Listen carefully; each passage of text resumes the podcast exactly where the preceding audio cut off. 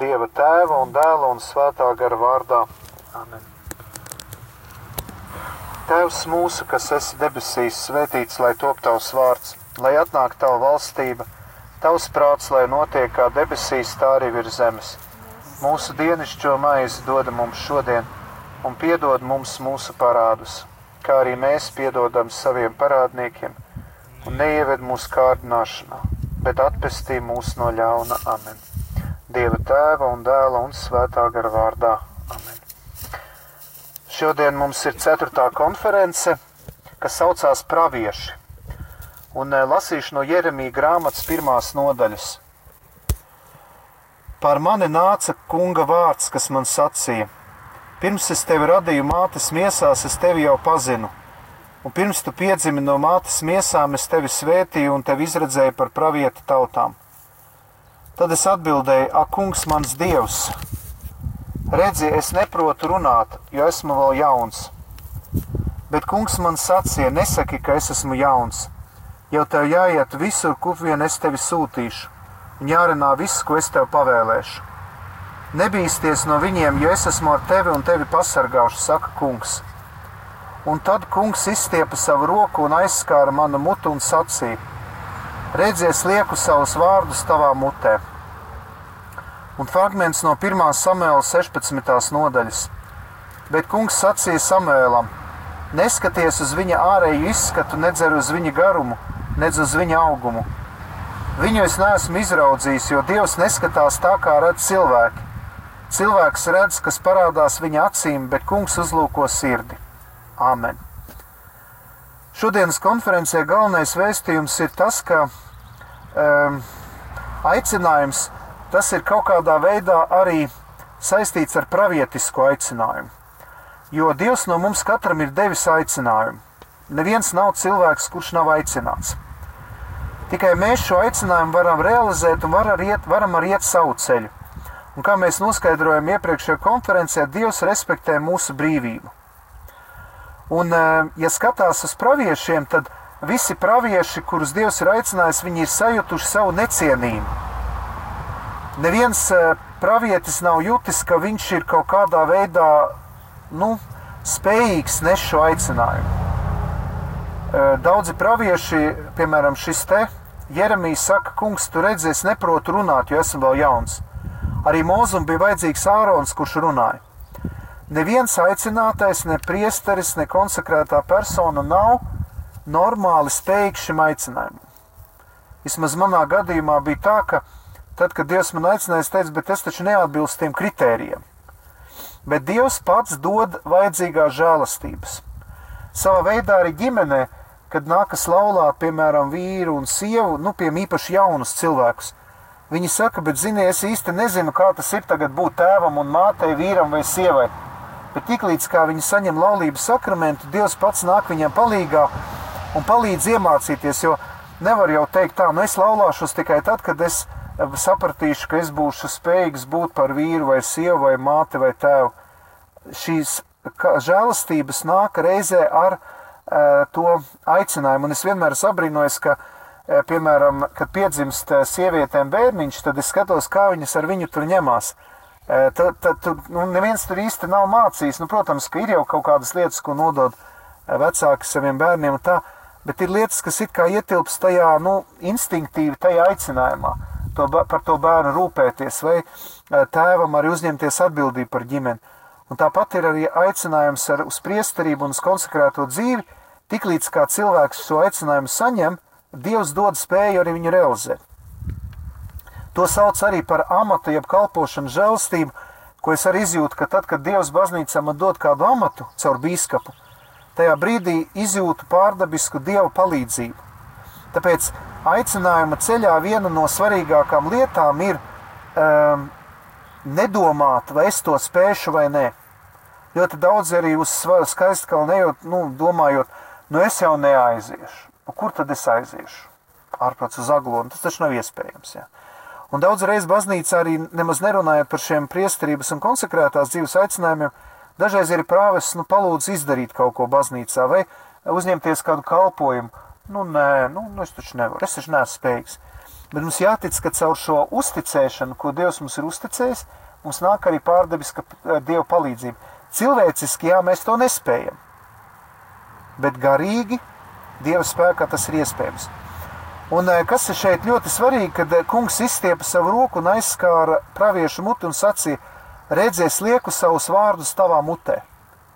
Mēs runājam to, ko grib Dievs, mēs darām to, ko grib Dievs. Un, kā jau iepriekš teicu, pravieši viņi var teikt, nevis pareģo nākotni, nevis kaut kādā veidā zīmē nākotni, bet tieši otrādi viņi runā Dieva vārdā. Un, ja es varu teikt, e, kopumā, kas ir priesterības sakramenta, priesterības aicinājuma sintēze, jeb kopsavilkums, tas ir priesteris runā un darbojas Dieva vārdā. Viņam ir jārunā tas, ko grib runāt Dievs. Viņam ir jādara tas, ko grib darīt Dievs. Viņam ir jābūt Dieva cilvēkam. Dieva cilvēkam.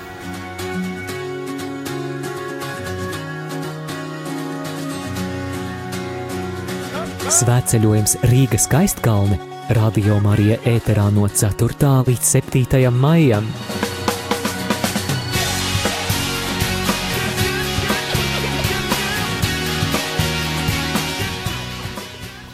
Mums ir jābūt gataviem sadarboties ar Dievu, un tikai tad Viņš mūs pārveidos un veidos. Nebīsties no sava aicinājuma, saku kungs, un es tevi pasargāšu.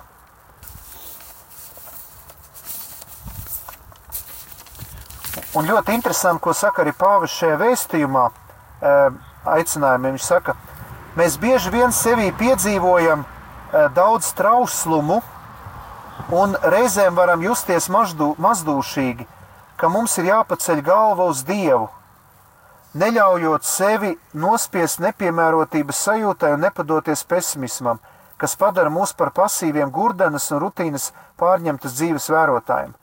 Bailēm nav vietas, pats Dievs ierauda, ieroda šķīstīt mūsu netīrās lūpas, padarot mūsu misijai piemērotas.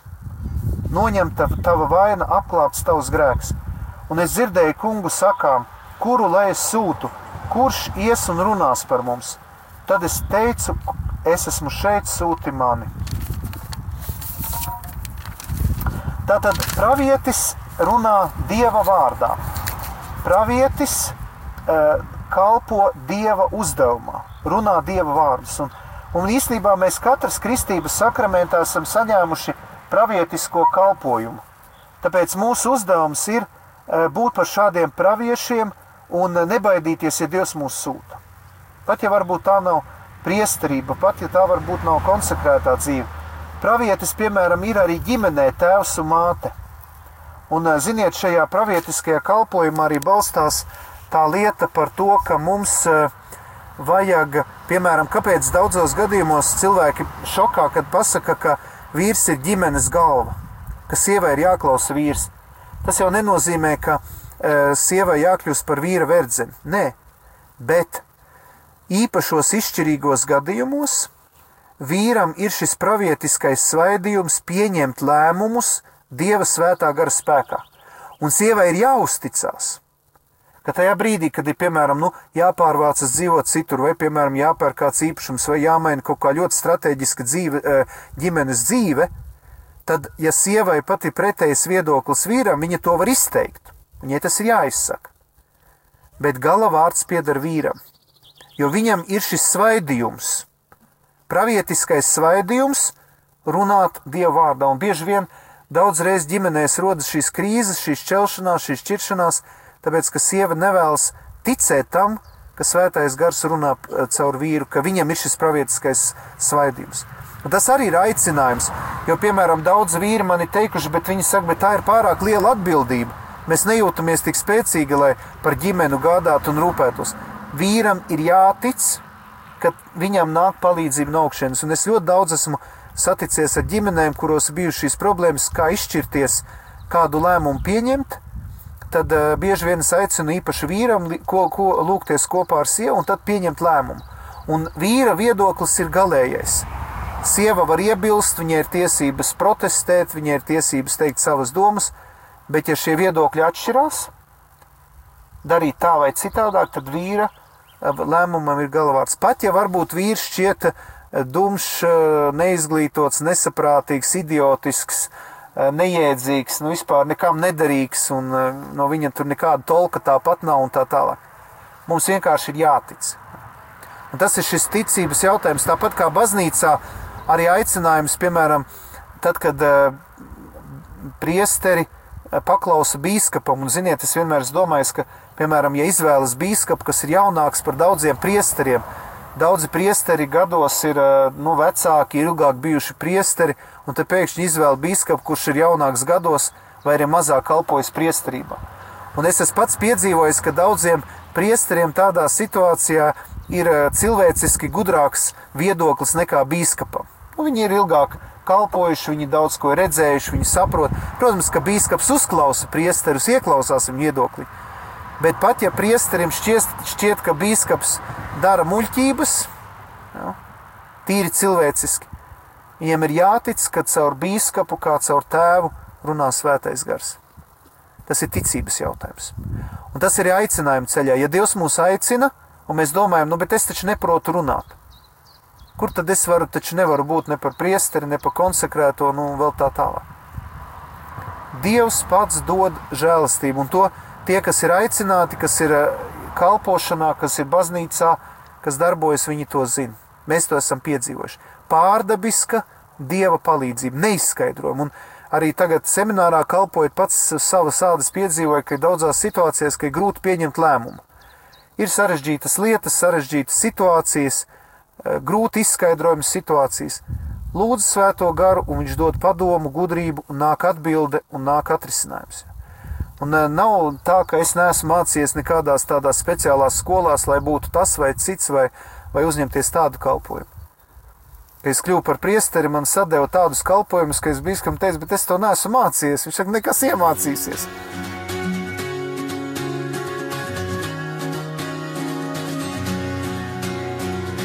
Svētceļojums Rīgas skaistkalne Radio Marija ēterā no 4. līdz 7. maijam.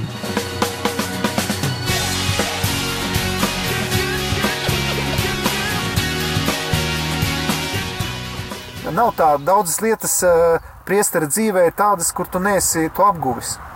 Bet Dievs sūta, tu ej kā pravietis, tu ej šajā svētā gara spēkā, un Dievs tad uh, lieto. Tā kā noslēdzot šīs pārdomas par aicinājumu, būsim pravieši. Būsim pravieši un iesim tā kā soli uz priekšu. Ja Dievs mūs kaut kur sūta, nedomāsim, ņā, ņā, ņā, nekas tur nav, ņā, ņā. Bet, ja priesteris Andrejs Mediņš atbraukt, viņš jums par šito varētu pastāstīt. Jo viņš man stāstīja, ja viņš, piemēram, klausītos to cilvēku runās, kas ir viņam stāstījuši, oi, tu tev nesanāks, tu to nevarēsi, nu kur tu lieni, nu ko tu tur dari, nu ko tu tur ņemies, ja? Vai arī, ka es atceros, ka es stājos uz semināru, eh, tur jauniešu es biju grupā, un viena stāstīja. Viņa saka, vai nu ko tu tur lientai seminām, tad tāpat tev nekas nesanāks. Nu, nebūs no tevis nekas. Jā. Un tas var teikt, pat arī ļaunā gara pirksts ir tāda ļaunā gara balss, kas mēģina mūs paralizēt. Jo atcerieties, ka piemēram Mela Gibsona filmā Kristus ciešanas, kur Jēzus lūdz tajā ģedzemanas dārzā, tur ļoti labi parādīts, ka ļaunais pienāk klāt un saka, Kristum, tev nesanāks, tev neizdosies, tu to nevari. Tas nav iespējams. Ja? Un bieži vien ir šī balss, kas paralizē aicinājumu, kas paralizē kalpošanu, kas paralizē dinamismu. Ja?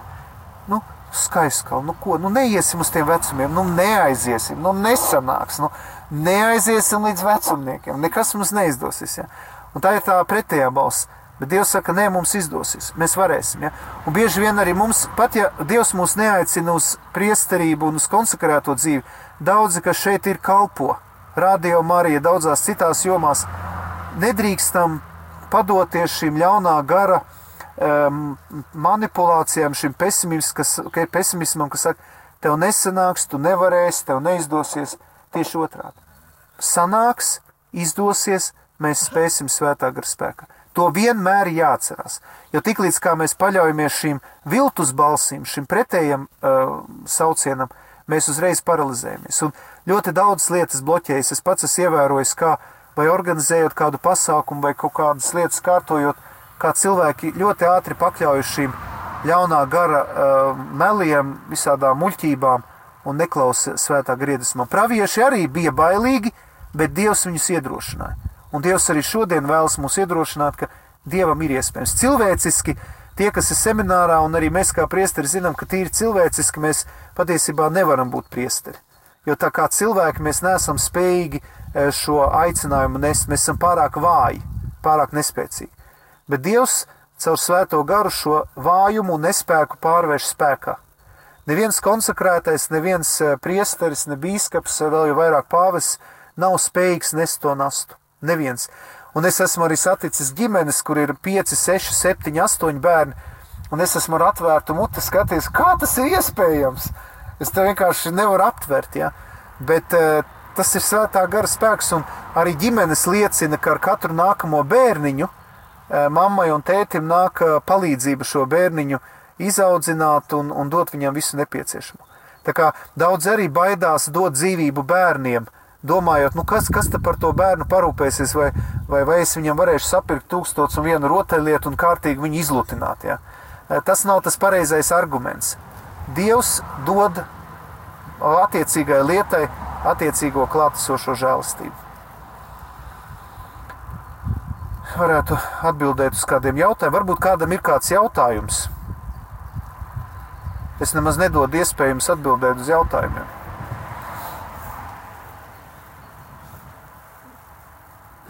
Vienkārši visiem viss ir skaidrs. Paldies! Varbūt jautājumi radīsies vēlāk. Noslēgsim ar lūkšanu. Gods lai ir tēvam un dēlam un svētajam garam, kā tas no iesākuma ir bijis, tā tagad un vienmēr, mūžīgi mūžos. Amen! Dieva tēva un dēla un svētā gara vārdā. Amen!